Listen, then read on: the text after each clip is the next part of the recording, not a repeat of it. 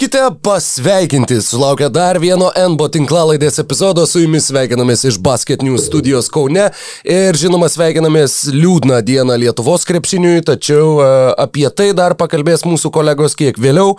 Na, o mes susirinkome tradiciškai pakalbėti apie tai, kas vyksta pajėgiausioje planetos krepšinio lygoje ir tradiciškai susirinkome visi du su Mykolu Jankaičiu. Sveikas gyvas Mykolai. Sveikas, Rokai, kaip laikaisi? Uh, neblogai, neblogai laikausi, ačiū, turiu keletą laisvų dienų, tai visai kažkaip palsėjau, toks e, visai be, lyg mažiau nuovargio, lyg žiūrėk ir pagirių jokių nėra ir taip, o jau kaip ir galima užsimti dalykais, tai tą progą galime dalykais ir užsimti, o kaip tavo gyvenimas klostosi? Gerai, jau pradėjom ruoštis vaiko atėjimui į pasaulį, perkam tos ten vežimėliai, lavelės, ten... Narkotikai. Dar dar visokie dalykai, kur tu nu, net e, nežinojai, žinai, kad jie egzistuoja, pasirodo, jie egzistuoja ir ten kainuoja dar nemažai. Bet jo, šiaip, šiaip tai va tokiam nuotaikom dabar gyvenam. O, o daugiau tai kaip ir viskas apie, apie krepšinį sukasi. Nu šiaip dar, kas labai, labai smagu, kad e, tas futbolo čempionatas vyksta, kur nu, pats komentuoja, aš tai džiaugiuosi tiesiog, kad galiu kažkokį sporto reginį pasižiūrėti, negalvodamas, kaip, oi, čia kaip čia kažką pasakyti, nes, nu, net ir Lietuvos rinktinės krepšinį žiūrint, kur, nu, jau tikrai kaip fanas vakar žiūrėjau tas rungtynės, bet visien, uh, nu, galvoju, kaip čia va, tas Dončičius žaidžia, kaip čia Jonas, kaip čia Domas, žinai, nu, kaip lyginė tų žaidėjų statusus, tada apie tos mūsų jaunuosius žaidėjus, į kuriuos mes tiek daug vilčių dedam ir kai tu matai, kad dar upėm plaukti iki, iki to aukštesnio lygio. Tai va tokio jau visiškai malonum, nu, malonaus pažiūrėjimo, tai grinai tas futbolo čempionatas suteikia, kurio net pamiršau, kad galima taip sportą žiūrėti, tas labai smagu. Man tai yra du, sakykime, sportiniai, kaip čia pasakyti, kontekstai. Yra dvi komandos, kurios kai žaidžia, aš negaliu žiūrėti niekaip analitiškai ar mhm. profesionaliai, mm. tai yra Evertonas ir Lietuvos krepšinio rinktinė. Tai yra, kur įsijungia vien tik tai emocijos, kur tu rėkau jį žiūrėdamas pats vienas į ekraną ir, ir uh, taip pat buvo ir vakar. Prarėkauta buvo daug, buvo daug prašaukta klaipėda, kaip pataiko arba bent Bendžius arba Butkevičius tritaškius buvo net ir toks krašto patriotizmas įsijungęs, bet, bet greitai slovenai nugesino visus, visus, taip sakant, pozityvius ženklus ir visus dalykus, iš kurių buvo galima įsikvėpti teigiamai. Nublamba, bent jau taip realiai tai buvo labai aukšto šiaip lygio rungtynės, nu ypač jeigu lyginant su... su kitu... Ypač slovenų. nu, ta, iš slovenų pusės be abejo, bet le, ilgą laiką tik, nu, tikrai buvo įdomu žiūrėti, nepaisant to, kad jau galiausiai paskutiniam kelniui buvo pakankamai aišku, bet a, pasipriešinimas buvo garbingas, aišku, turint omeny nuotaikas prieš turnyrą, tai gal šiek tiek nesmagu, kad viso labo garbingai pavyko pasipriešinti. Ir nu, tikrai žiaur, žiauriai liūdna, kad vat, ne, nebebus galima bent tų keturių papildomų o, o, olimpiados rungtynių pamatyti, ar, ar gal daugiau, jeigu būtų pasisekę. Nu, bet yra kaip yra. Šitą ką padarysi. Žaidžia ne pavardės, kamuolys apvalus, jada, jada, jada, yra kaip yra. Tai... Pavardės labai sužaidė šį. šį kartą jo, šį kartą žaidė pavardė. Uh, bet grįžkim, grįžkim į, į tą kraštą, kuriame net nesam buvę, man atrodo, nei aš, nei tu. Grįžkime už Atlanto, į, į užpelkę, į uh, kitą vandenino pusę ir galim visą šitą pokalbį pradėti nuo istorinės detalės. Detalė yra tokia, jog 1968 du klubai prisijungė prie NBA lygos, jie du buvo blogiausi pirmame lygos sezone Ir 1969 kovo 19 įvyko tai, kas buvo mm, savotiškas įpėdinis uh, NBA loterijai. Tuo metu viskas vyko daug paprasčiau. Dvi blogiausios komandos flipas. Taip, metama moneta ir taip nusprendžiama, kuria iš jų atiteks pirmas šaukimas. Ir taip Phoenix'o Suns negavo galimybės pasikviesti į savo komandą Liu Elsindorą, e, kuris atvyko į Milwaukee Bucks, po kelių metų tapo Karimu Abdul Jabbaru ir 71-ais iškovojo čempionų titulą, 74-ais nukeliavo iki finalo, bet nusileido Los Angeles Lakers, e, tada pareikalavo mainų, tada išvyko į, į tuos pačius Lakers ir nuo tada Milwaukee Bucks NBA finalo nebuvo nebuvo pasiekusi nie karto nuo 1974. Kalbant apie Phoenix'o Suns ir apie šitą jų susitikimą po tiek metų ir jų lauksimą, būsimą bandymą atkeršyti varžovam už tą netapusę nukritusią monetą prieš beveik net ne beveik prieš daugiau negu pusšimtį metų. Phoenix'o Suns yra keletas, sakykime, mm, žinomų žaidėjų, kuriuos sieja vienas ir tas pats e, dalykas. Tai Deandre Eitonas, Devinas Bookeris, e, Michaelas Bridgesas, Cameronas Johnsonas, Cameronas Paynas, Darijo Šaričius, visi jie nebuvo gimę, kai paskutinį kartą Phoenix'o Suns žaidė NBA finale.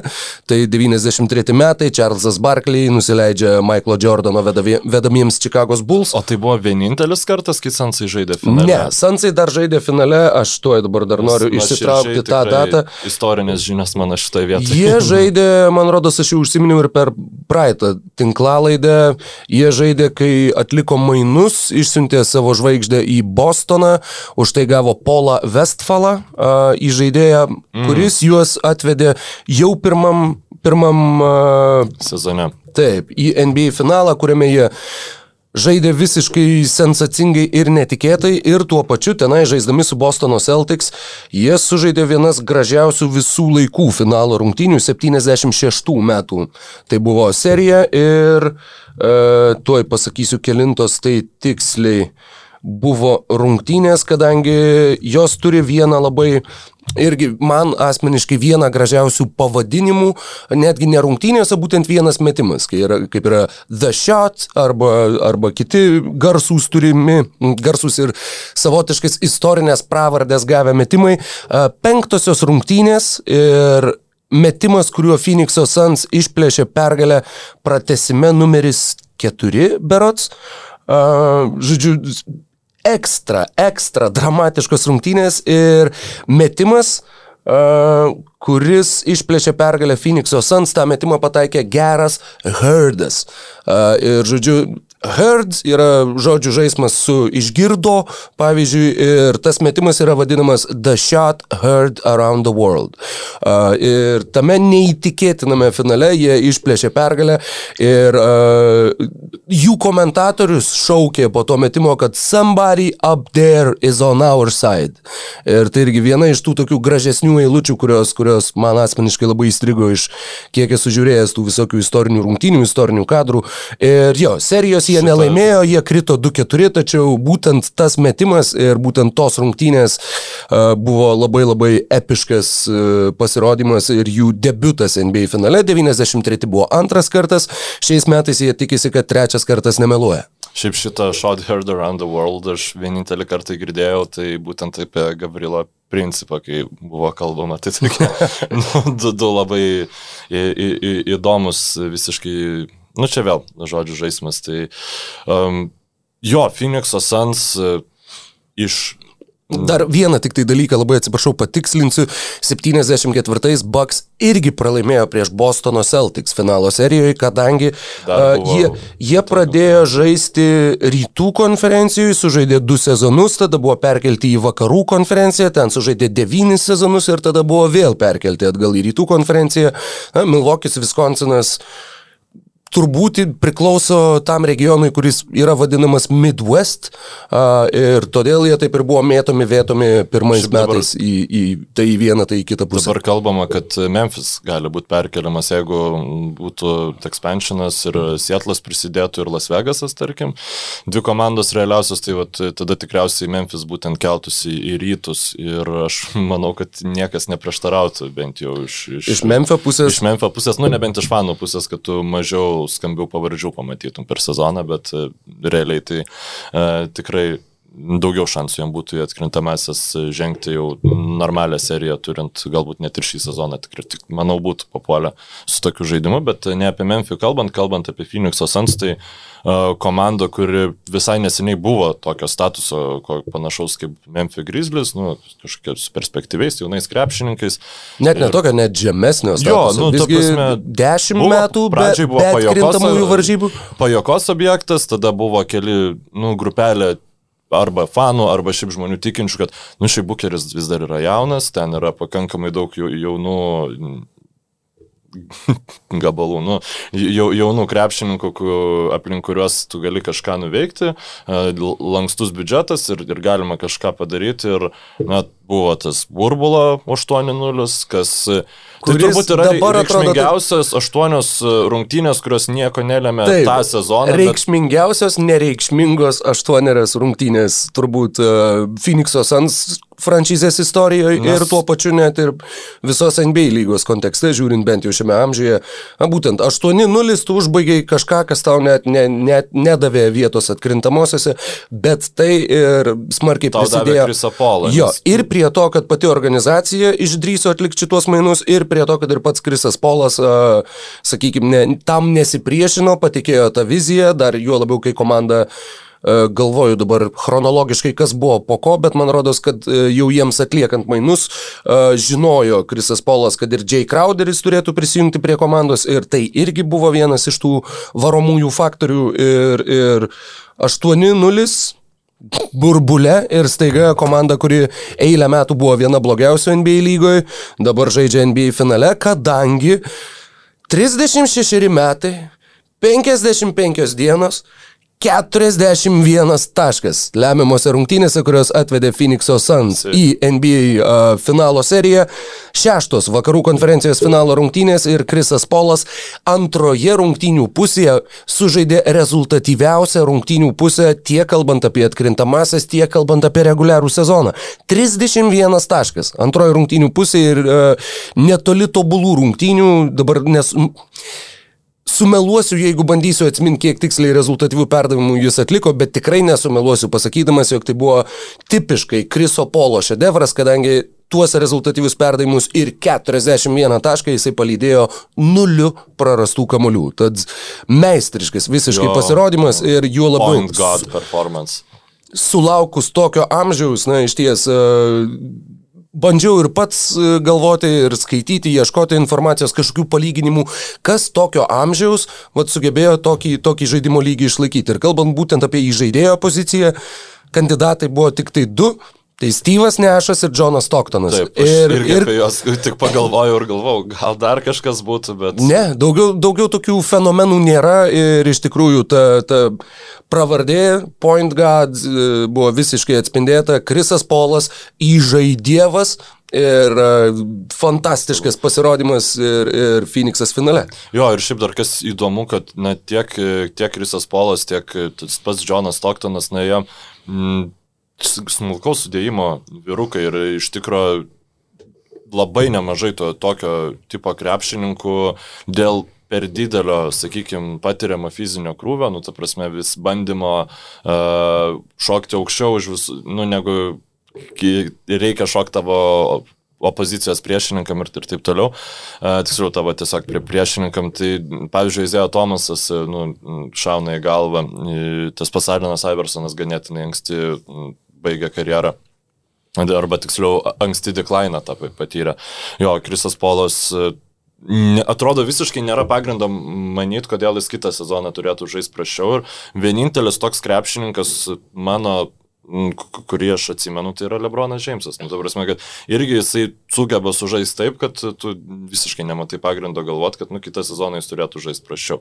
Aišku, Lebrono, nu, šitas atkrintamosios kelia nerima, bet ten traumas visokie dalykai, tačiau Krisas Polas, na, tikrai prastai sugrįžo po COVID į šitą seriją ir mm, Clippers tai leido sugrįžti į, į atkrintamasias padarytą seriją gyvą, kas, nu, šiaip iš tikrųjų labai smagu, bet tos paskutinės rungtynės, na, sakykime, niekas sužaidė taip, kad niekas nebegalvos apie tas mažiau sėk, sėkmingus mačius, o Clippers fanai, manau, vis dėlto mm, turėtų suprasti, kad tai Ronas Lūna mm, geresnis treneris yra už Doką Riversą, bent jau dėl to ginčytis kol kas nu, tikrai būtų sunku, bet jeigu jis nebūtų eksperimentavęs per pirmas dvi rungtynes, kuomet Phoenixas žaidė be Kriso Polo ir tiesiog būtų žaidęs su tuo penketu, kuris jam atnešė pergalę prieš Dallas'o Mavericks, prieš e, Utah's Jazz, e, tikėtina, kad jie galbūt net ir būtų lengvai 4-1 laimėję tą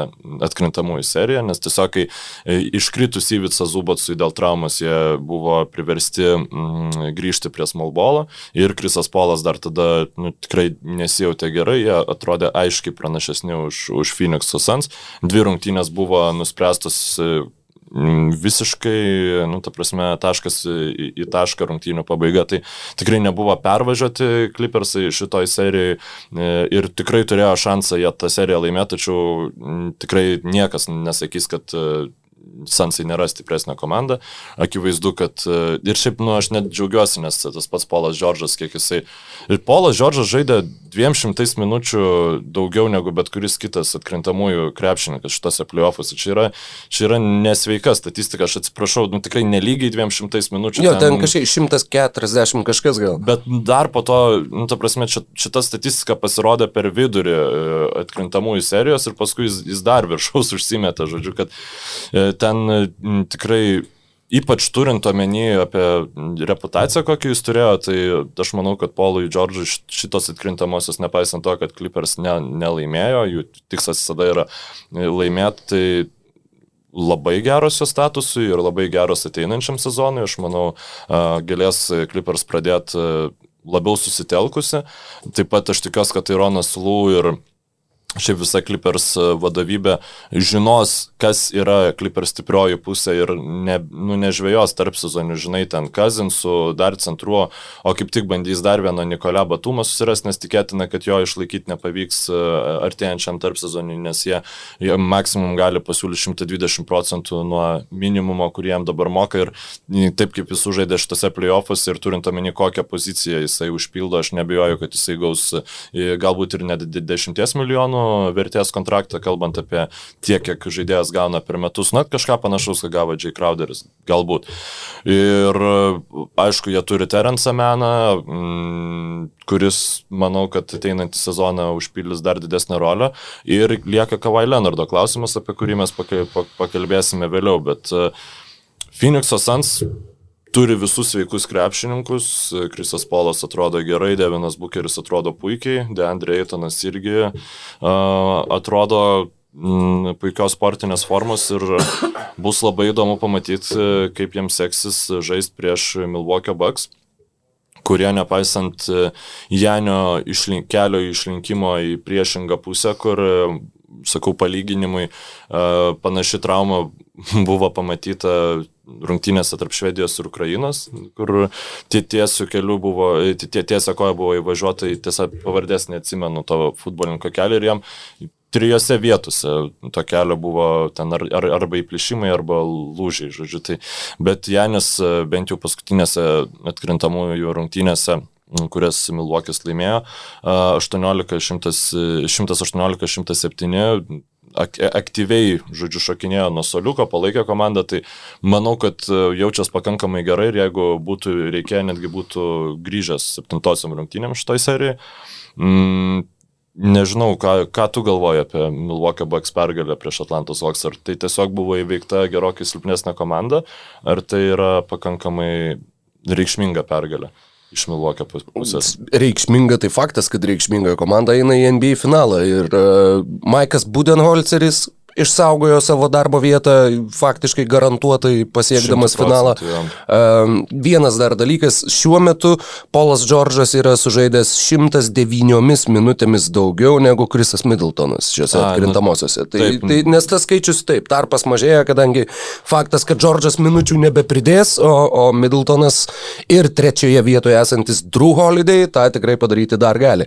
Uh, kalbant apie Baksų pergalę, Tos traumos vis viena buvo, buvo dalykas, kuris galiausiai vienaip ar kitaip nulėmė serijos baigti.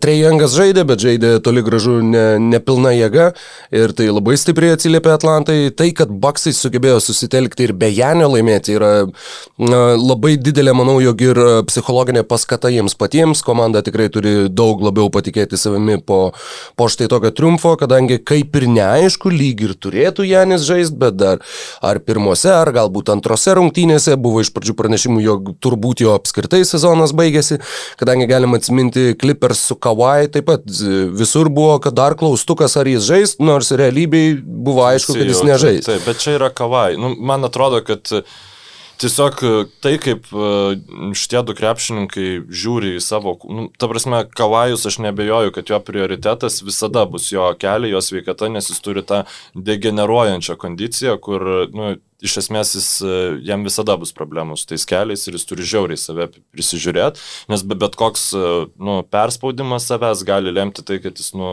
realiai invalido vežimėlį savo gyvenimo metus užbaigs. Okay. O, o Janis, nu, čia vėl, insighto aš jokio neturiu į tai, bet man tiesiog atrodo, kad net, nu, jeigu jis galės žaisti, fiziškai, tai jisai tikrai žais. Mano, mano toksai spėjimas būtų, nes... Jam... Žinoma, dar priklausomai ir nuo to, kaip klostysis pati serija. Jeigu Taip. tai nebus žūtbūtinė situacija, tuomet e, ką gali žinot. Bet Phoenix'o Suns e, turės namų aikštės pranašumą šioje serijoje. Įdomu ir tai, kad jo, kad jie visose serijose turėjo namų aikštės pranašumą, įskaitant finalą. Ir nors atrodo, kad na, jie ir nebuvo laikomi favoritais, bet pagal reguliariojo sezono rezultatus tas jų pasiekimas yra pakankamai desningas. Plus jie buvo iš tų komandų, kurios pakliūna į top 10 tiek pagal puolimus, tiek pagal gynybos, puolimos, tiek pagal puolimo, tiek pagal gynybos reitingus. Ir tai taip pat yra vienas iš tų indikatorių, kad komanda gali nužygiuoti labai toli ir turėtų būti laikoma viena iš favoričių kovoti dėl titulo. Ir kalbant apie jų tarpusavio rungtynės, jie žaidė dvie, du kart šiame sezone, abu du kartus uh, Phoenix'o Suns laimėjo vienu tašku. Tad abiejos rungtynės buvo geros, buvo dramatiškos, buvo įdomios, uh, įskaitant pastaruosius metus, uh, kai Deandre Eitonas žaidžia, Phoenix'o Suns rezultatas prieš Milwaukee Bucks yra 5-1. Uh, tad Eitonas taip pat bus svarbus šioje serijoje ir tuo pačiu, taip, manau, kad dar labiau sukuria mums tą įspūdį, kad, o taip, labai, nes Kai Miami Heat pernai įveikė Milwaukee Bucks, atrodė, kad Bemas Adebayo yra tas kriptonitas e, Janio Supermeno sugebėjimams, todėl šiais metais taip pat atrodo, kad vat, Deandre Eitonas turi padaryti kažką tai panašaus ir, ir padarys Čia kažką tai panašaus. Nepamiršk, bet... kad dar vienas žmogus, kuris buvo krip, kriptonitas, nes kuris irgi labai daug laiko praleido gindamas Janį toje serijoje, buvo Jay Crowderis kur tikrai ir nuostabus pasipildymas Phoenix, iš Phoenix'o Suns pusės ir um, būtent dėl ko aš manau, kad e, Taip, šiaip e, nu, pasakysiu dabar šokiruojančią frazę, bet labai svarbu Milvokiui, ar Janis žais ar ne. bet wow. iš esmės, kad kaip mes matėm dominuojančius Middletoną ir Drew Holiday prieš Atlantos Hawks ir kaip jie įsiva tikrai dabar atrodo, kad e, nu, įsivažiavo į geriausią savo sportinę formą, kas yra absoliučiai nuostabu ir tai galbūt e, reikėtų vis dėlto šiek tiek, kiek mes kritikavom Budenholzerį, galbūt dabar šiek tiek jį ir pagirt, kad Tikrai tai. reikalui, nu, ta prasme, tiksliau net ne jį pagirto, nu, nežinau, e, atsijimt savo, atsijimt savo žodžius, pri, pripažinti, kad, e, nu, ne, nebūtinai aš labai gerai suprantu tą krepšinį, nes krepšininkai E, kurie žaidė dabar po 40 e, plus minučių, vos ne visose rungtynėse šitoj serijai, dėl Janio traumas, jie atrodo visiškai nepavarkstantis rungtynių pabaigoje. Jeigu Polas Džordžas e, rungtynių pabaigoje jau prieš džiazus jis atrodydavo visiškai išsikvėpęs ir nu, niekas negalėdavo jo kaltinti, nes tiesiog jis nu, nesveikus fizinius krūvius patirdavo, tai Middletonas su Drew Holiday atrodo visiškai nepaveikiami tų minučių, nežmoniškų, kurias jie sužaidžia. Ir klausimas, ar šitas dalykas persikels į kitą seriją, bet be abejonės jiems bus žymiai sunkiau žaisti, nes juos gins ne Bogdanovičius, ne Galinari, ne...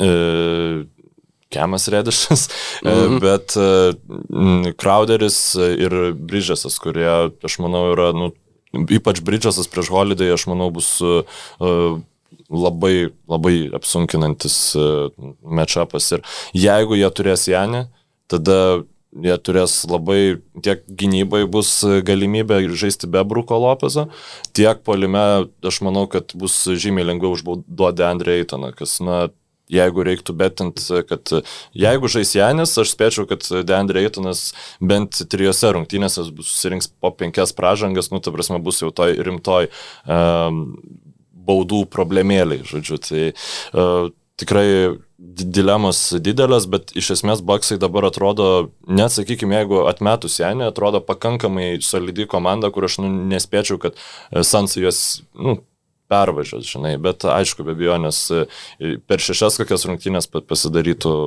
labai patogiai.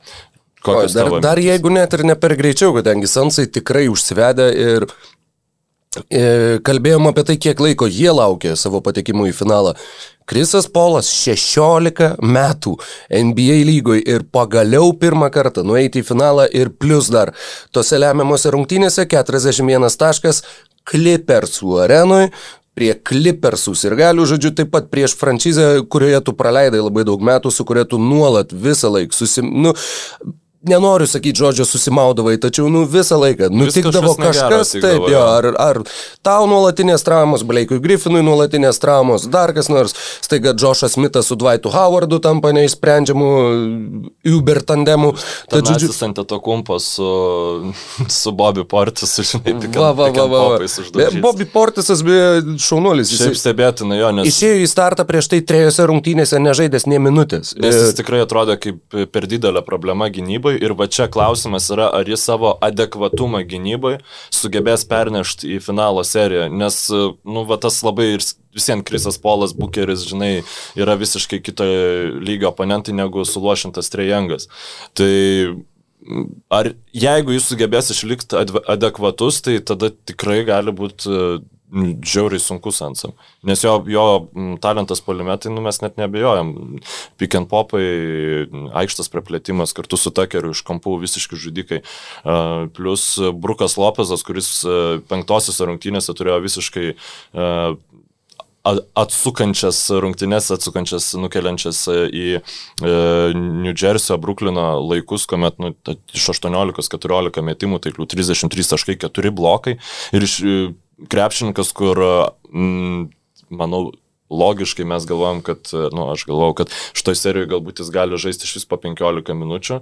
Dėl, dėl to prieš kokius oponentus jis žaidžia, jis tapo a, absoliučiai lemiamų faktorium, dėl ko Milvokis taip patogiai uždarė šitą seriją net be savo geriausio krepšinio. Tuose penktose taip, šeštose rungtynėse ten jau buvo Middletono rungtynės. Taip, Middletono rungtynės. 23 taškai trečiam kelinį ir būtent vat, ten ir vyko tasai lūžis, tenai jisai ir ištraukė ir uh, skambu yra ir tai, jog Milvokio Bucks po to, kai pralaimėjo ketvirtasias rungtynės, serijos rezultatas 2-2, iškrenta Janis, penktose ir šeštose rungtynėse nei sekundės nepirmavo Atlantos Hawks. Jie, o. jie pirmavo nuo pradžios iki galo abiejose rungtynėse, tas wire to wire, kaip sako anglakalbiai, tikrai dvi labai įspūdingos pergalės ir Netgi mačiau uh, Phoenixo viename sirgalių forume, jo kažkas rašė, aš labai tikiuosi, kad Janis žais, nes jie su Janiu žaidžia blogiau negu be jo. Bet, na, čia žinoma, nu, čia, čia toks... pervertinimas tai, bet, bet uh,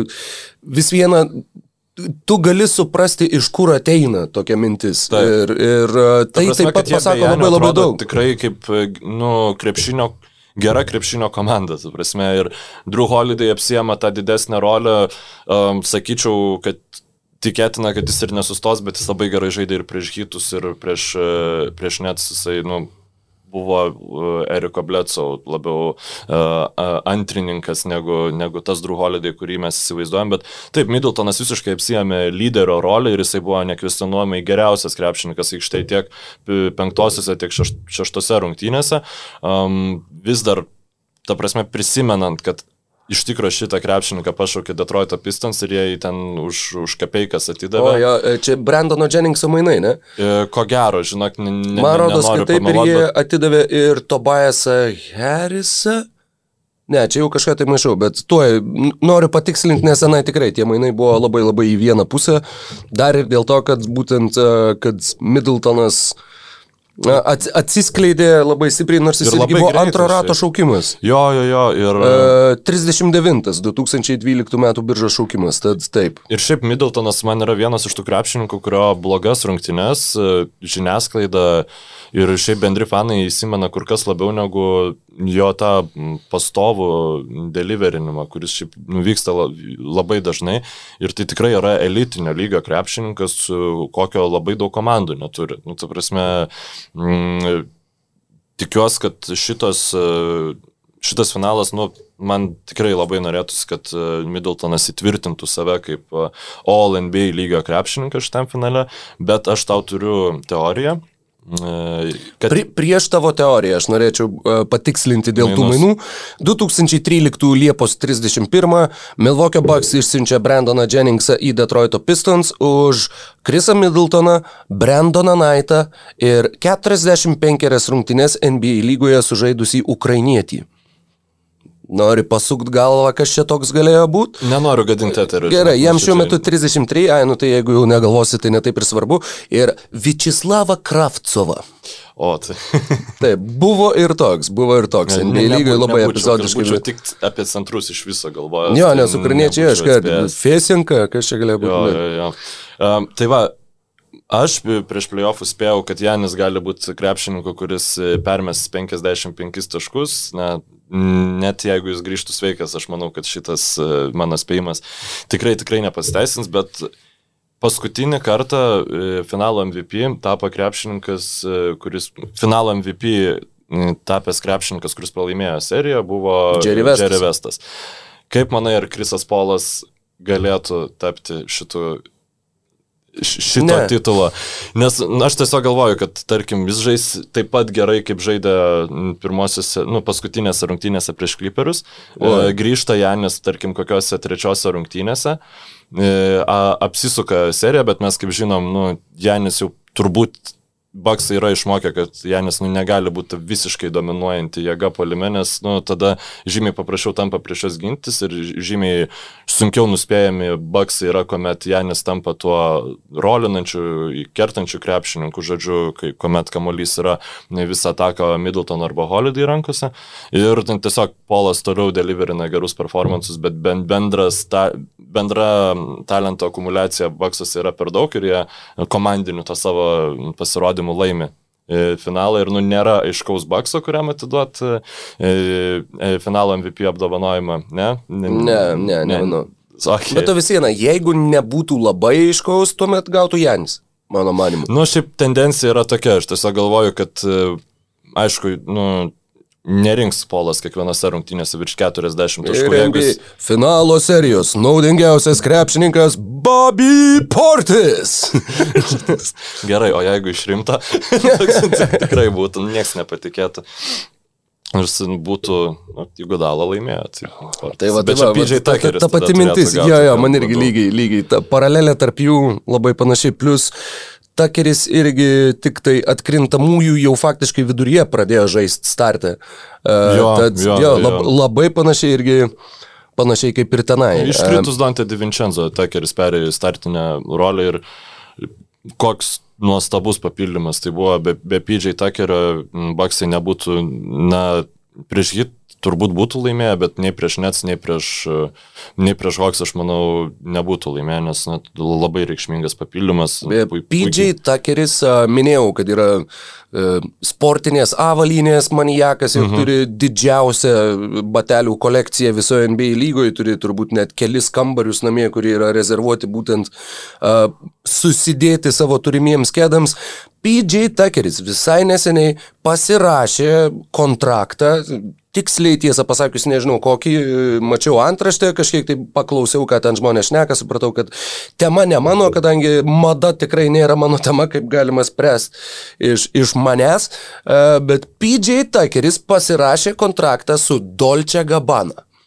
Čia buvo tas, ta žinutė, kuri buvo tokia, padarė ką, e, tai pasirodo štai taip, e, žaidėjas, kuris tikrai nėra pirmo ryškumo, atrodytų tikrai nesuper žvaigždė, bet būtent dėl savo, aš net nežinau dėl ko, dėl savo gaudimosi šitoje sferoje turbūt. E, aš manau, kad tiesiog, jo, jisai taip, ne, ir, ir gėdas apsirengęs, nes jis tikrai, nu, kaip tu sakai, gaudas. Ja. Tu pasirašai kontraktą jo su Dolce Gabbana palyginimui, kadangi man labai patiko šitas faktas, man rodo, Paulas apie jį dar nekalbėjom mūsų tinklalaidėse.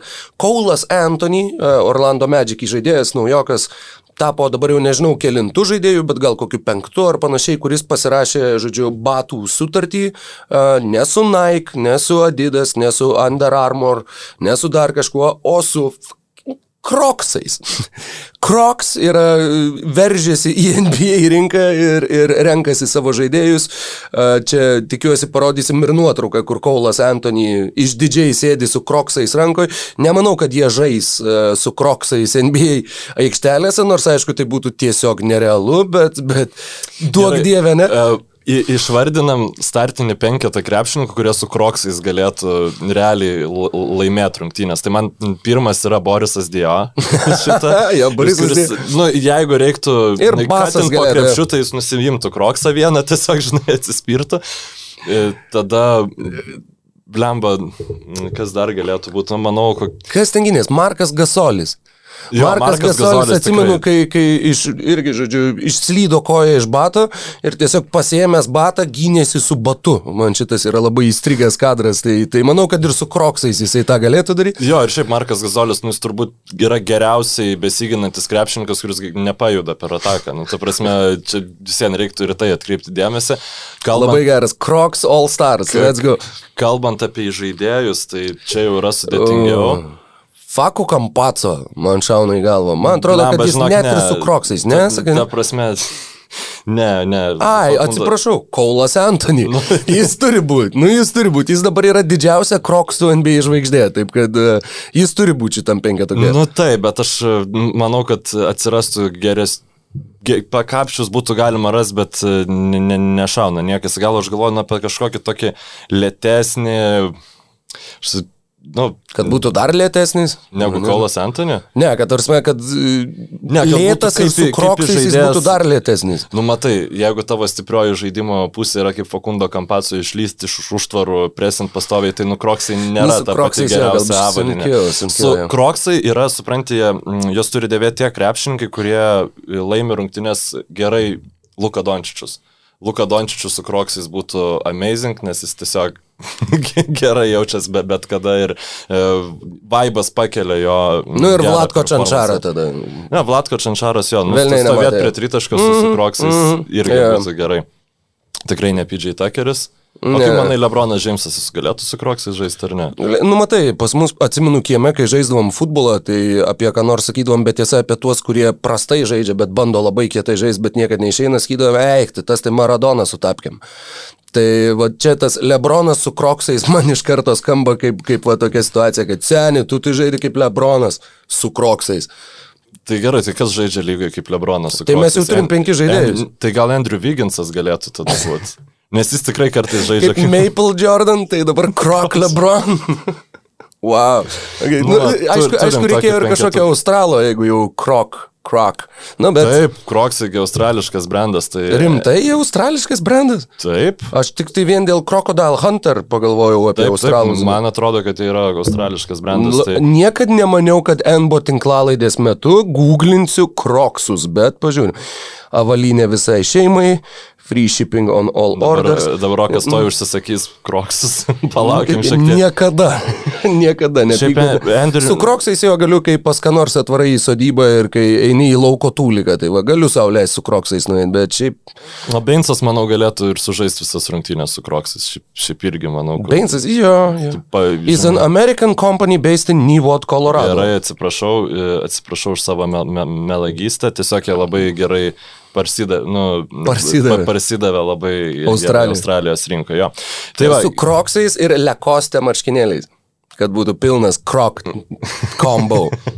E, tai grįžtant tada, uždarant turbūt e, atkrintamųjų seri finalo seriją, būsimąją paskutinės mintis, tai Aš manau, kad e, apart Janio buvimo ar nebuvimo, žiauriai svarbu yra, kaip pavyks Milwaukee integruoti Bruką Lopezą į, į savo rotaciją, nes taip jeigu žiūrint grinai Nu, iš perspektyvos tai atrodo, kad Bukeris ir Krisas Polas turėtų visiškai kepti, kaip buvo kepamas Įvicas Zubacas, tačiau Brukas Lopezas kažkaip pastoviai sugeba paneigti šitas prognozes, tai bus labai įdomu, nes jeigu Brukas Lopezas žais, tai aš manau, Deandre Eitonas turės sunkiausią seriją šitose atkrintamosiose. Jo, su juo bus labai įdomu iš ties, kaip jeigu Lopezas bus priparkuotas už tritaškio linijos, tai kaip spręs tą situaciją uh, Sansai? Jo, jo, na aš manau, kad Sansai, jie šiaip įprastai ganėtinai tos e, su Eitanu žaisdami tradicinius pick and rollo gynybos mechanizmus taiko ir kažkaip jie nesutiko komandos, kurie sugebėtų juos e, labai nubausti. Um, kažkaip Jeigu Middletonas bus tos formos, kurios buvo uždarydama šitą seriją, tai jie tos gynybos taikyti negalės ir tada jau turės žaisti small ballą. Ir klausimas, ar į tą small ballą galės atsakyti Phoenix'o, atsiprašau, Milwaukee Bucks. Dėl to, jeigu jie turės Janę, tai be abejonės galės įmest Konatoną arba Forbesą vietoje, vietoje Bruko Lopezo, tačiau man kuo toliau, tuo labiau atrodo, kad vis dėlto Brukas Lopezas turi žaisti tose už, uždaromosiuose penketuose, nes tiesiog yra labai daug galintis pasiūlyti krepšininkas taškas ir po išsikeitimo prieš mažesnį jis visada gali pelnyti taškus ir tą patį Deandre Eitoną, manau, nepaisant to, kad jis labai sėkmingai gynasi pakrepšiu, bet e, Brukas Lopezas, kai kai jisai užsiveda, jis gali vienas prieš vieną pakrepšių padaryti bet ką, nu kartais ir taip atrodo, tai e, tokio talento krepšininką aišku noriu matyti aikštelėje, o ne ant suolo. CJ McCollumas irgi turi sutartį su Kroksais. Na nu, tai va, CJ McCollumą vietoj Kolo Antonį aš, aš patogiai visai matyčiau. E, man dar labai įdomu, kaip atrodys, e, taip, Baksai ir ypač Maikas Budenholzeris pademonstravo, kad jo, jie turi pagaliau tai, ko jie neturėjo anksčiau, tai yra tuos gebėjimus prisitaikyti, keisti gynybinės schemas, kurios jiems, uh, tiksliau, tas gebėjimas jas keisti jiems kainavo reguliariajame sezone, kurie kartais pralaimėdavo rungtynes, nes plaukiodavo, nes nesigaudydavo, bet būtent tai ir buvo daroma su vizija, kad atkrintamosiose tu turėtum daug platesnį gynybinį arsenalą, bet vis viena Bucks yra ta komanda, kuri remiasi irgi metimų iš vidutinio nuotolio provokavimu. Oh. Faktiškai. Ir man labai patiko, girdėjau šitą Kriso Polo cita citatą, jisai sakė, kai aš žaidžiau už Clippers, mums, žodžiu, pradėjo aiškinti, kaip, nu, vat, jo gynyba, kur, žodžiu, mes leidžiam mesti iš vidutinio nuotolio. Ir tada visa lyga faktiškai, nu, vat, beveik vienu metu pradėjo tą daryti. Ir aš pagalvojau, jeigu visi leidžia, Tai aš tuomet būtent šitą ir išsitobulinsiu. Ir jisai būtent tą ir padarė ir yra e, vidutinio Sa... nuotolio meistras. Kaip beje ir Devinas Bucheris. Jų abu tie stipriausi, ryškiausi perimetro žaidėjai turi nu, nuostabų tiesiog metimą iš vidutinio nuotolio, metimą po driblingų. Aš statistikos aišku neturiu, bet nu, kas lygai geriau iš vidutinio pataiko už... Durantas vidutinio. galbūt. Jo, jo, Durantas iš visur geriau pataiko už...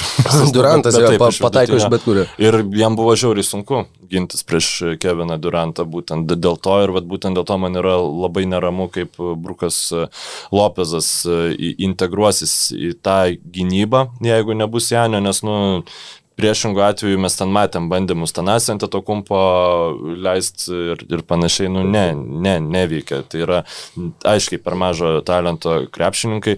Ir Jo, apie metimą iš vidutinio nuotolio, jis yra geras metimas, jeigu tu esi elitinis šitam dalykė, bet problema su metimais iš vidutinio nuotolio yra, kad jeigu tokie Andrew Wigginsai, tai jau geriau, na, jis šiaip irgi jau yra krepšininkas, kuris saliginai pakankamai aukštų procentų iš vidutinio pataiko.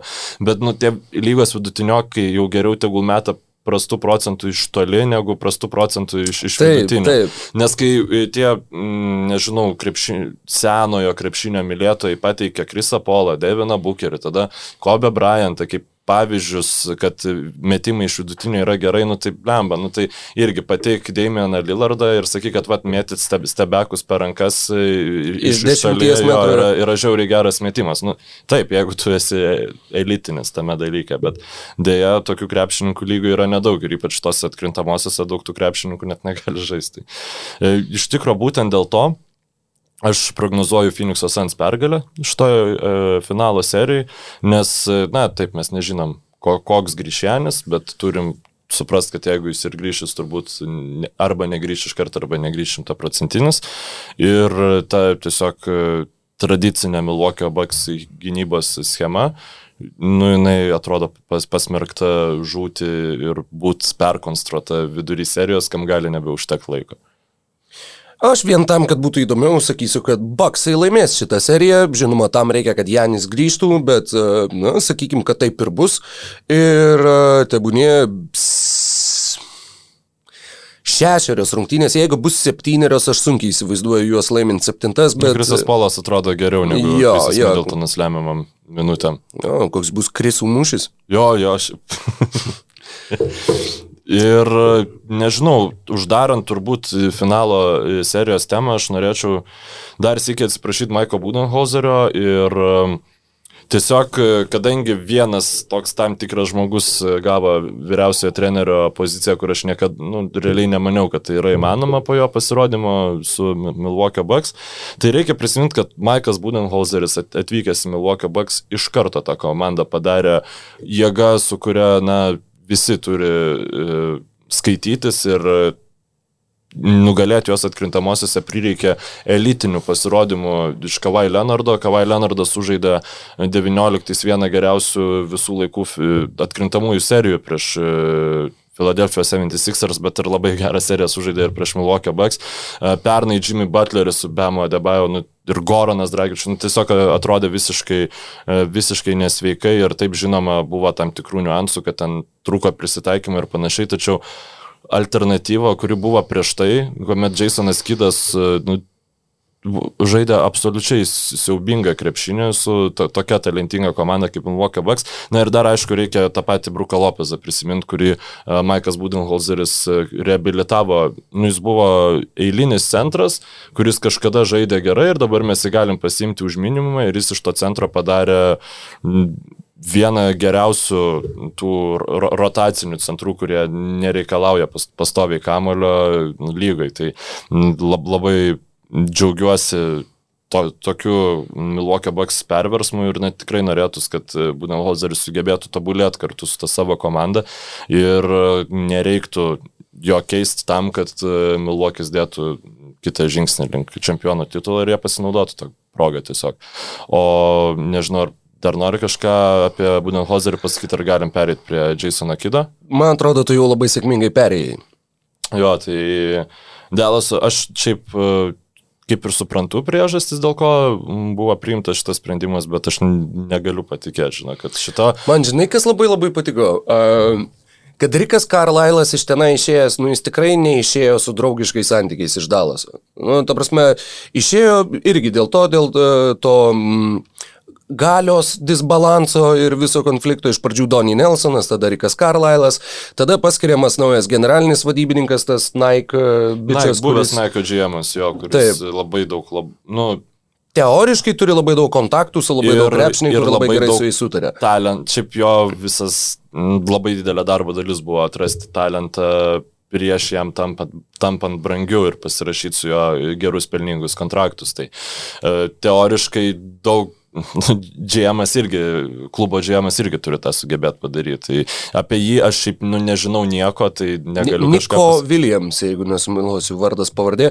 A, tačiau vis viena jisai tenai ateina, na, šnekėta apie tai, šnekėjom jau ir mes, kad realiai tenai visus sprendimus priima Markas Cubanas ir a, su Donny Nelsonu, su Riku Carlailu viskas kaip ir sekės, bet vėliau a, prisijungė tas ekspertas lošėjas, kuris, a, žodžiu, irgi išmušė visą balansą. Bet link ko aš vedu? Aš vedu link to, kad Carlailas pasirašęs kontraktą su Indianos Pacers, sakė, jog uh, būtinai, taip, aš, tu prasme, Dallaso Mavericks turi imti Jasoną Kidą, tikrai, nes aš esu vienintelis žmogus, kuris yra, yra treniravęs ir Jasoną Kidą, ir Luką Dončičių, ir aš galiu pasakyti, kad tai bus nuostabus derinys. Jie puikiai supras vienas kitą. Man jau tada tai skambėjo kaip ironija, kaip, ta prasme, toks, nu kur, jo, jo, seni, nuostabi mintis, mhm, jo, jo, taip, taip, maišyk tą džiną su vodka, jo, ne, nieko nebus, bus labai gerai, čia puikiai papildys vienas kitą. Toks, na, atrodė, nes, nu, kitaip, nėra buvę tokių situacijų, kur treneris išeina iš klubo ir parekomenduoja, ką paimti vietojo. Ir ta rekomendacija, man sakau, man atrodė kaip toks, aha, jo, jo, mhm, tikrai taip. Ir jie, blemba, jie pasėmė Jasoną Kidą. Ir, žinai, Iš vienos pusės jo, tai aš manau, kad tai ir klubo logika yra, kad, žodžiu, pasimti, sakykime, buvusį žaidėją, kuris va štai labai gerai suprastų Luką Dončičių, kad va būtent užmėgsti tą kontaktą su juo, kadangi jiems labai svarbu išlaikyti Dončičių, bet, nu tai tikrai atrodo kaip uh, ant parako statinės išlieti galoną žybalo. Ir, nu, toks, nu, super rizikingas žingsnis. Ir plus, Jasonas Kidas, kai buvo Bruklinė, galiausiai tiek susirovė su visais ir tiek visus išėdė ir tiek reikalavo, kad jam daugiau galios būtų. Bandė faktiškai tokį perversmą padaryti, kad išmest, žodžiu, šitą Billy Kingą, tuometinį generalinį vadybininką ir kad realiai savo susikrauti vis, visus įmanomus galios svertus. Tai atėjus čia, kur, nu, iš esmės, aš neskau, kad Rikas Carlylas yra tokio tipožo žmogus, bet iš esmės Dalasui čia reikia, nu, to žmogaus, kuris tiesiog pritartų viskam, kas yra jam siūloma ir kad, žodžiu, visus vakiubano ten ekscentriškus e, reikalavimus ir taip toliau išpildyti arba sugebėti arba juos diplomatiškai tiesiog, jo nugesinti.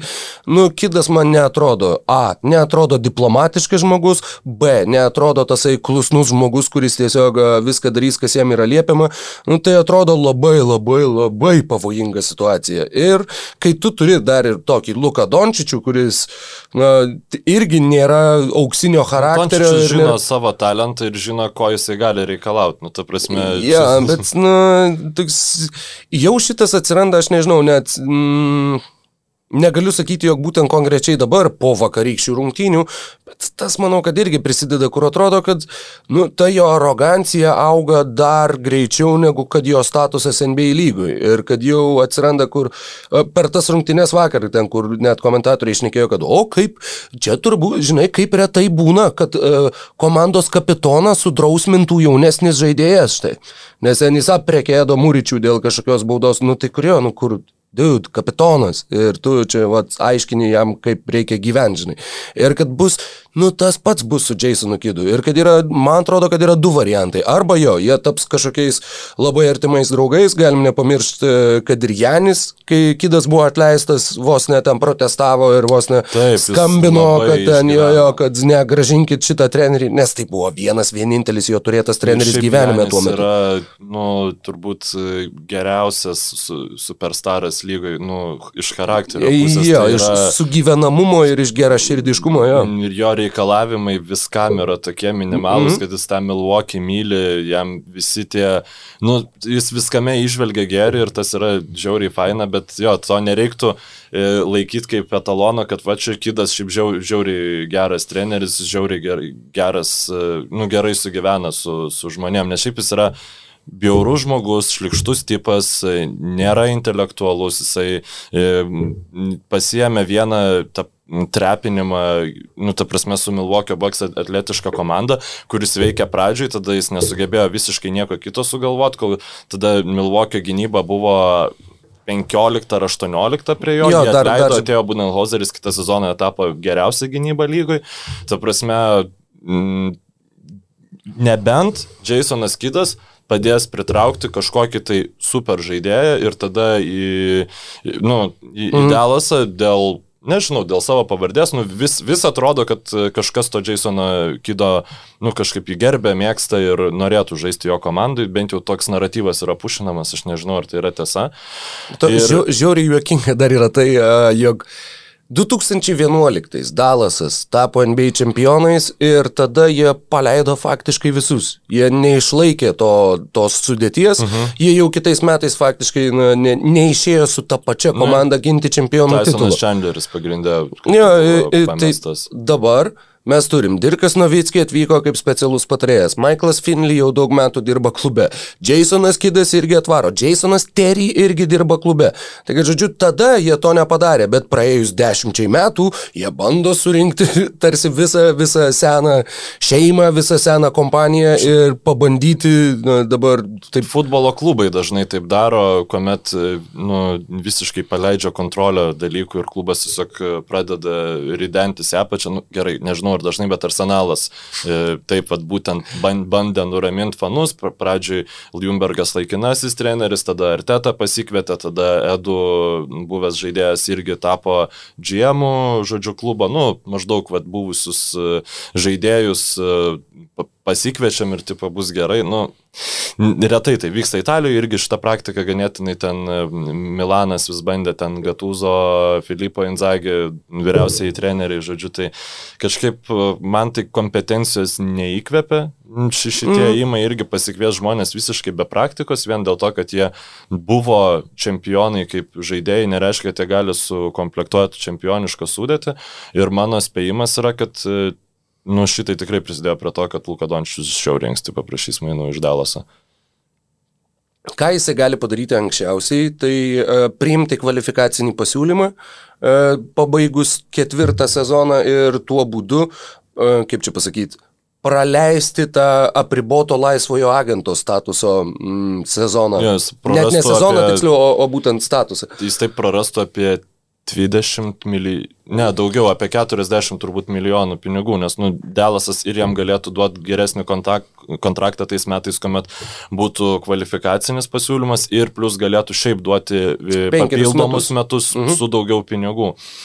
Bet... Jo, prarastų daug, bet tuo pačiu galios, tai būtent galios nu, klausimų. Jis ką tik užbaigė savo trečią sezoną, taip. Jo, ir Luka Dončičius. Po šių metų Luka Dončičius gali nesutikti su ten, žodžiu, taip. ilgalaikiais pratesimais, pasirašyti tą kvalifikacinį, kas yra vienerių, nu, vieno sezono trukmės ir uh, matematiškas tesinys to 12, pirmų, 12, pirmų ketverių metų. Mažiau, mažiau. Būtų. Man atrodo, Tas kad... Uh, cap hold yra didesnis negu kad uh, qualification, mm. Qualifying offer. Okay, okay. Uh, sakau, nu, jo, jisai eina kaip, kaip, kaip trečias trečias, atsiprašau, Jangas penktas. Sakau, matematiškai, jeigu vestum proporciją nuo jo kontrakto, jo, jeigu jisai būtų pirmas šūkimas, tai jo galbūt tai ir būtų apie 12 milijonų, trečias bus truputėlį mažiau. Mervinas bet, Beglė daugiau grįžtų. Jo, Mervinas Beglė jo išsimuštų daugiau, bet, uh, bet jo, jo, ir tai jisai gali taip viską susidėliot, kad jau 2023 būtų laisvas agentas ir būtų nepribotas laisvas agentas. yra tas žmogus, kur aš įsitikinęs, jeigu jis dabar nusitrauktų Achilą, jis visiems gautų maksimalų pasiūlymą iš kažko. Be klausimų. Čia nė, nėra tas atvejis, žinai, kur nu, pasimk dabar tos pinigus, nes nu, tipo, nebūtinai mm -hmm. gausi tokį pasiūlymą. Jau bičias yra tiek įrodęs, kad uh, Bet šiaip mano spėjimas būtų vis dėlto, kad, žinok, jis tą kontraktą prasitęs, bet tai nereiškia, kad jis ne, ne, nesukels. Jo, jo, jo, nes nu, įrodė tai yra, kad... Sezonas, šitas sezonas bus labai labai... Um, didelis indikatorius jo tolimesnės ateities ir būtent kaip jie susijęs, va, tokie du, mm, du, net nežinau kaip tai pavadinti, karštakošiški ir tokie labai uh, kietakakčiai nu, vat, dvi panašaus tipo asmenybės, vat, jo, su Jasonu Kidu. Ir... Man tai įdomu labai, kaip vat, Dončičius reaguos perėjęs po trenerio, kuris realiai darė viską, kad e, Dončičiaus talentas spindėtų. Ta prasme, buvo e, kre, kiekvienas krepšininkas buvo leidžiamas, renkamas e, tam, kad jis padėtų Dončičiui būti geresniu. Ta prasme, ne, aš dabar matau tiesiog, kaip yra susikvieč, susikviečiamas pavardės, nu, pagal Trade Finderį per NBA, tokiai, kad kur čia mums didžiausią avaralą duoda, kur mes galim pasiimti, žinai, mes tą žaidėją ir pasiemam. Nu, man grinai yra tokie vaibai būsimos komplektacijos, kad aš, nu, nežinau, pasiims kokį nors irgi žaidėją, kuriam reikia daug kamulio, kad jis būtų, nu, efektyvus, nu, aš net nežinau, e, kokį čia, nu, pavyzdį pateikus dabar, ten iš tų laisvųjų agentų galėtų būti, bet, nu, manau, idėją su, su, suprantate, ką noriu pasakyti. Nors... Demaras Derozanas. Va, Pa, čia, čia, čia beje, čia, būtų... čia dešimt, vat būtent atitinka ir būtų Saumevs, būtų taip, visiškai taip, toks taip. vat Dalas ojimas. Nu, ta prasme, ne, ne metu... Dalas ojimas, bet, nu, tai kaip aš įsivaizduoju, kaip atrodytų. Šiuo metu Dalaso Mavericks yra įvardinami kaip pagrindiniai uh, favoritai, jeigu, sakykime, jeigu kam nors tą pavyks padaryti, tai turbūt, kad pavyks Dalasui. Tai yra prisivilioti Kawhi Leonardą, kuris uh, turi žaidėjo opciją, kurios veikiausiai atsisakys atsisakys, nes būtų nelabai protinga ją, ją pasinaudot. Ir Dalaso Mavericks turi galimybę jam pasiūlyti maksimalų kontraktą ir tuo pačiu pasiūlyti štai žaisti komandoje, kuri, na, ta pati komanda tik tai pridėjo Kawhi Leonardą. Atrodo, kad taip, tai yra čempioniška sudėtis potencialiai. Nu. Su Dončičium, Hardavojum, Kawhi Leonardu, Kristofu Porzingiju. neliktų tada. Jam, Neliktų. jam reiktų waivint jo cap, cap holdą, kad... kad gali būti, gali būti. Bet, nu, faktas, kad Kawhi Leonardas yra, nėra... Ta prasme, jis yra tokio lygio krepšininkas, kur tu ten jau tai, kad jis biški atakų pavoktų iš Dončičiaus, tai jau nu, nebėra svarbu, žinai. Nu, tikrai jie, aš garantuoju, kad puikiai atrodytų Dončičius su, su Leonardo aikštėje, nu, tai yra du top 5 krepšininkai, kai jie abu yra sveiki, tai čia... Plius, uh, žinai, Nederauzanas, žinai. Kokia argumentacija dar yra, kad... Uh, kad Kawhi Los Andželė jisai turi būti numeris vienas, turi būti klubo veidas ir turi būti, na, sakykime, toj situacijai, kurioje atsižvelgiant į jo asmenybę, nu jam lyg ir nėra ypatingai jauku būti ir jisai nelabai to dėmesio mėgsta. Čia dalase, tu iš karto, tu būtum antras, tau nereikia eiti tenai išnekėti po pralaimėjimų ar po pergalių ar ten po kažkokių svarbių dalykų, tam yra Luka Dončičius. Dar vienas dalykas, kad Dalasas yra miestas, kuriame krepšinis nėra numeris vienas. Ten yra amerikietiško futbolo miestas, Dalaso Cowboys. Visada bus už Mavericks nu, populiaresni bent dešimteriopai tame mieste. Tad tuo, tuo atžvilgiu tu irgi kaip ir pasislėpi nuo, nuo Los Andželo to, to labai didelio dėmesio. Lakers visada bus populiaresni už, nu, už Jo, tas, tas tiesa, bet. Uh, ir dar vienas dalykas yra finansinis aspektas. Uh, Kalifornijoje tu moki 13 procentų pajamų mokestį, e, kai tiek Teksase, tiek Floridoje, Miami Heat taip pat mhm. yra siejami su juo, to mokesčio apskritai nėra. Tai jeigu tu pasirašai, nežinau, ketverių metų virš šimto, kiek ten, 120 gal milijonų e, kontraktą, tai realiai per tuos ketverius metus tau kiek čia susitaupys? Nu, daug, ja. E, nežinau, beveik 20 milijonų, nepilnai, gal 18, kažkas tokio. Tai įdomus yra tas aspektas, kuomet dabar aš irgi tą momentą girdėjau, kad Kawhi nenori būti The Man, bet jisai čia, šitie Clippers yra visiškai kavai projektas. Prasme, jis nusprendė, Taip. kad jis eis į Clippers, jis nusprendė, kad, nu, Paulas Džordžas eis į Clippers, o ne į... Ai, nu, jis galėjo tiesiog nueiti į Los Angeles Lakers ir ten būti visiškai ne Demen. Jis, Kawai, jo, galėjo. Jis norėjo būti uh, Demen, galbūt... Norėjo tarsi savo būt. komandos. Plus labai įdomu yra tai, kad prieš uh, pasakant, kad gaukit Paulą Džordžą ir aš ateisiu, kitaip ne. Iš pradžių buvo, pirmas žmogus nebuvo Paulas Džordžas, buvo Jimmy Butleris.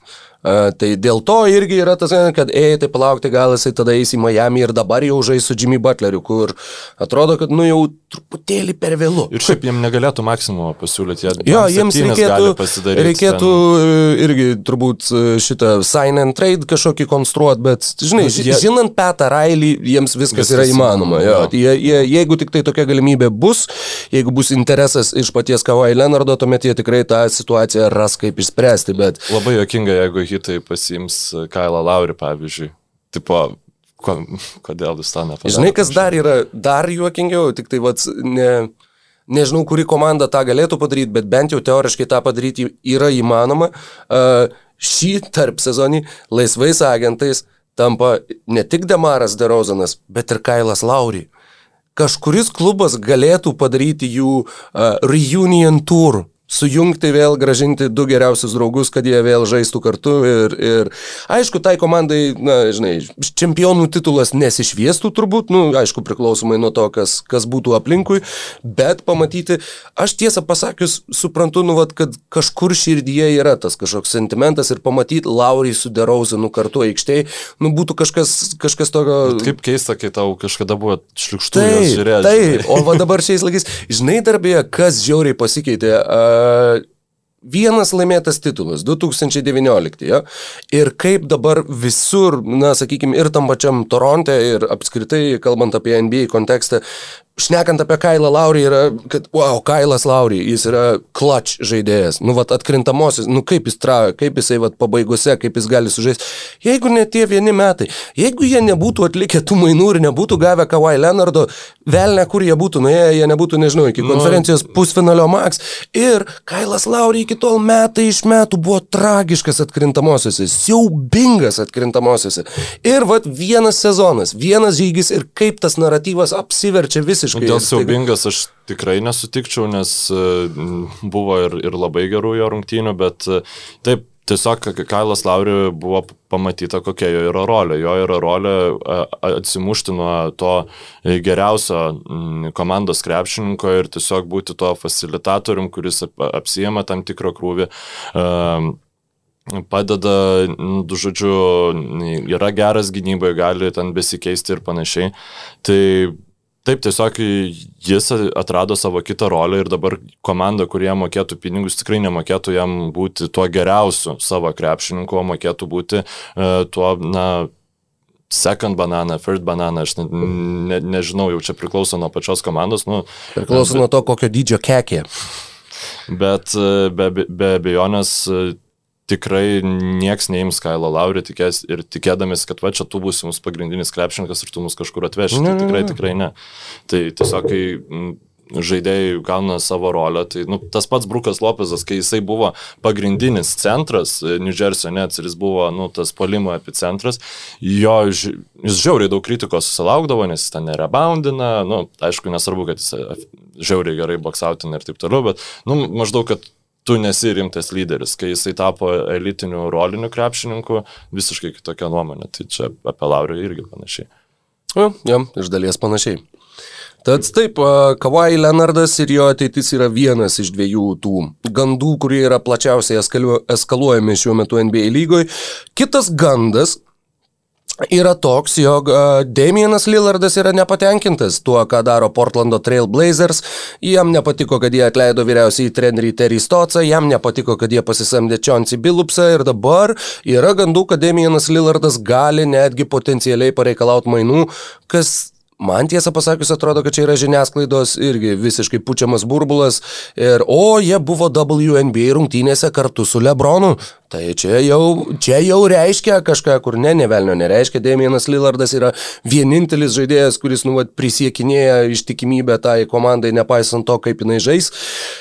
Ar yra tokia galimybė? Nu, yra, bet mano manimu jinai yra labai, labai, labai nedidelė, kad uh, Lillardas pareikalautų mainų iš Portlando. Uh, Sakau, labai sunku įsivaizduoti, tačiau tokie, tokie gandai yra, tokie gandai vaikšto, kadangi, žinai, visokiem ten e, brusaram ir beilėsam reikia kažką, apie NB kažką šnekėti, žinai. Ką? NB irgi. Jo, NB irgi, nu tai reikia, žinai, jeigu jau apie tai yra šnekama, A, nu tai galim pašnekėti ir mes. Kaip tu vertini tuos gandus ir jeigu, jeigu Portlandas keistų Damieną Lillardą, kur tu labiausiai norėtum jį pamatyti? Negalvokim apie mhm. realistiškus scenarius, kadangi čia reikėtų viską skaičiuoti, žiūrėti. Warriors. Warriors. Jo, jo, nu tas package'as, Weizmanas, septintas pikas ir ten. Viginsas. Jo, nu, salary matchas kažkoks mm. ir viskas, ką mes galim jums atiduoti, žinai.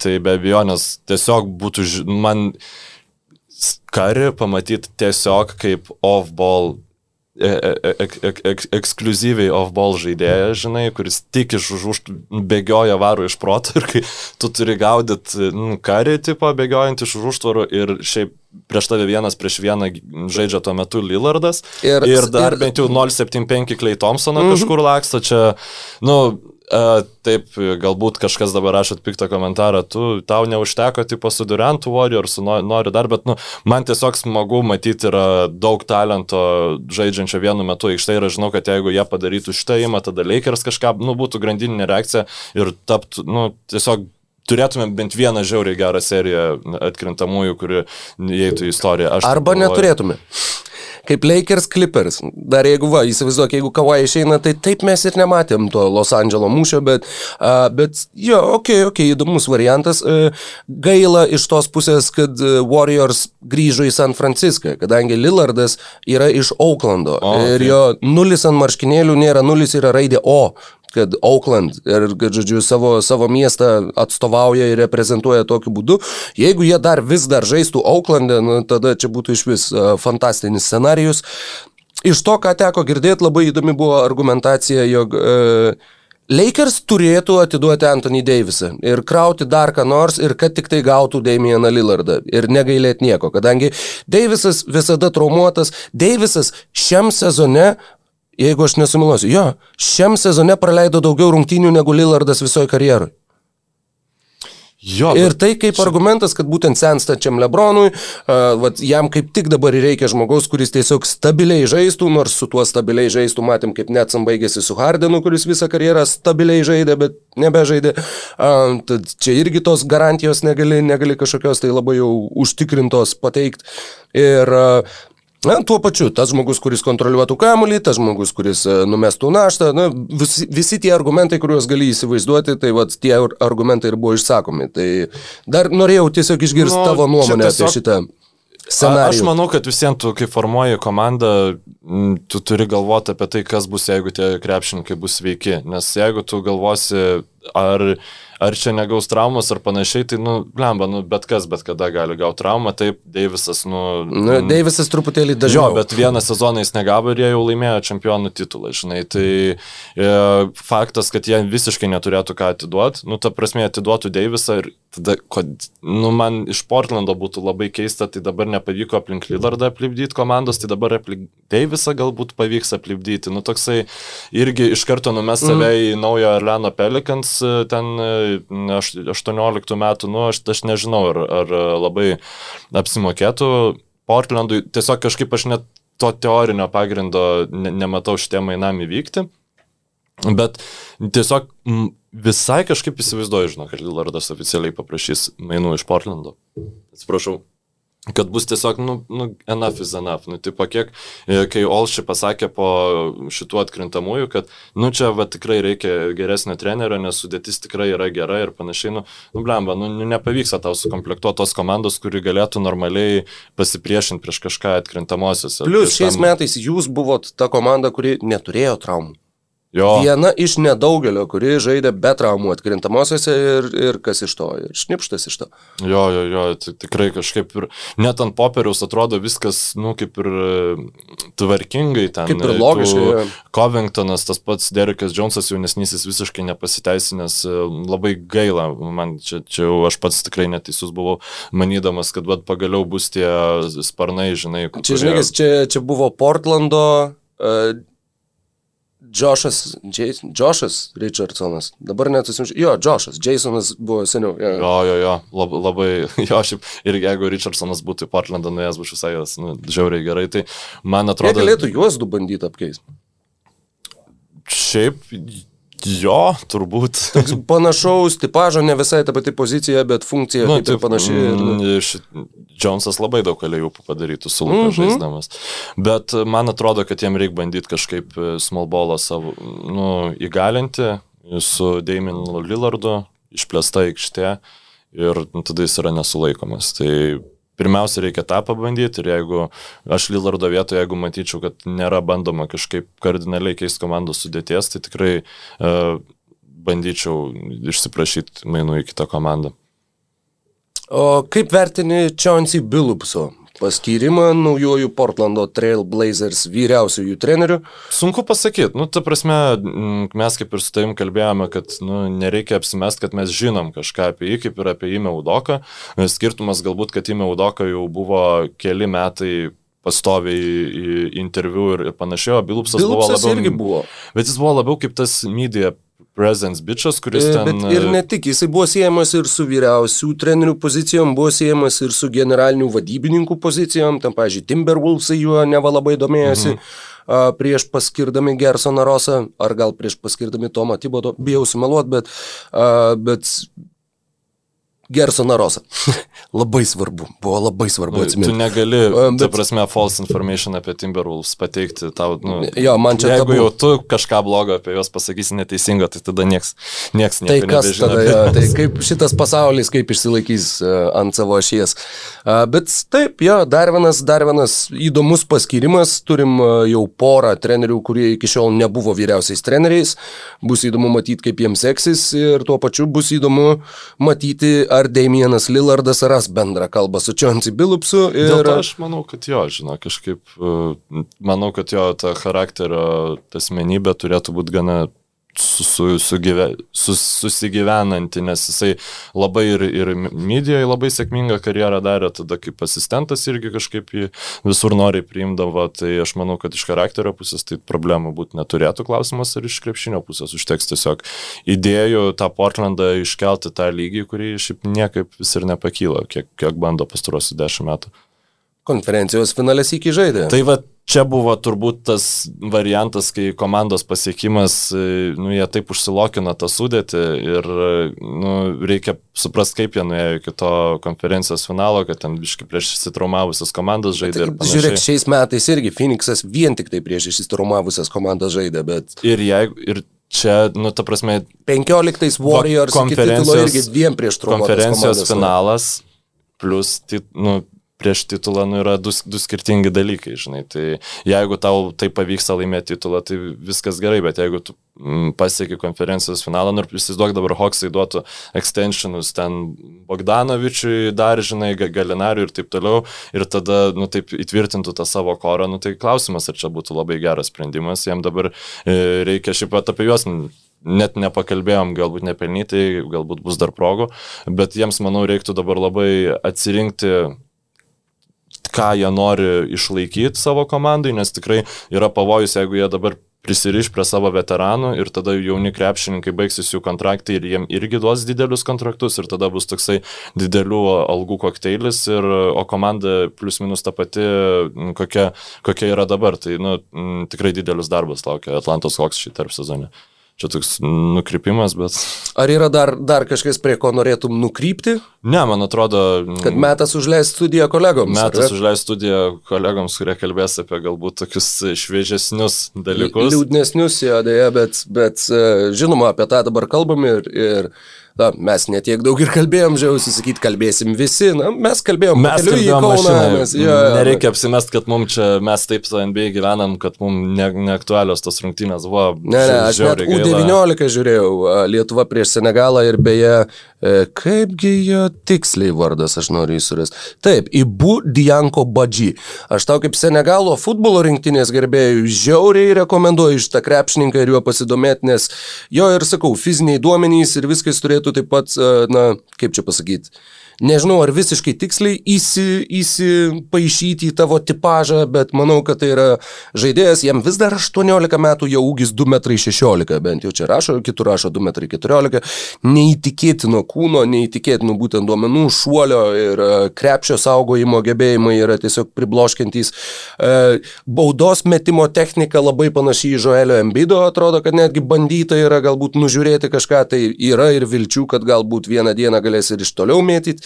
Tad e, žaidėjas, kur manau, kad į tą mm, sirgalių vagoną gali, gali dabar įlipti, kol jisai dar yra visiškai tuščias ir tapti pirmuoju tuo, tuo konduktoriumi, žodžiu, į Badžį. Iš, iš šito, bičio.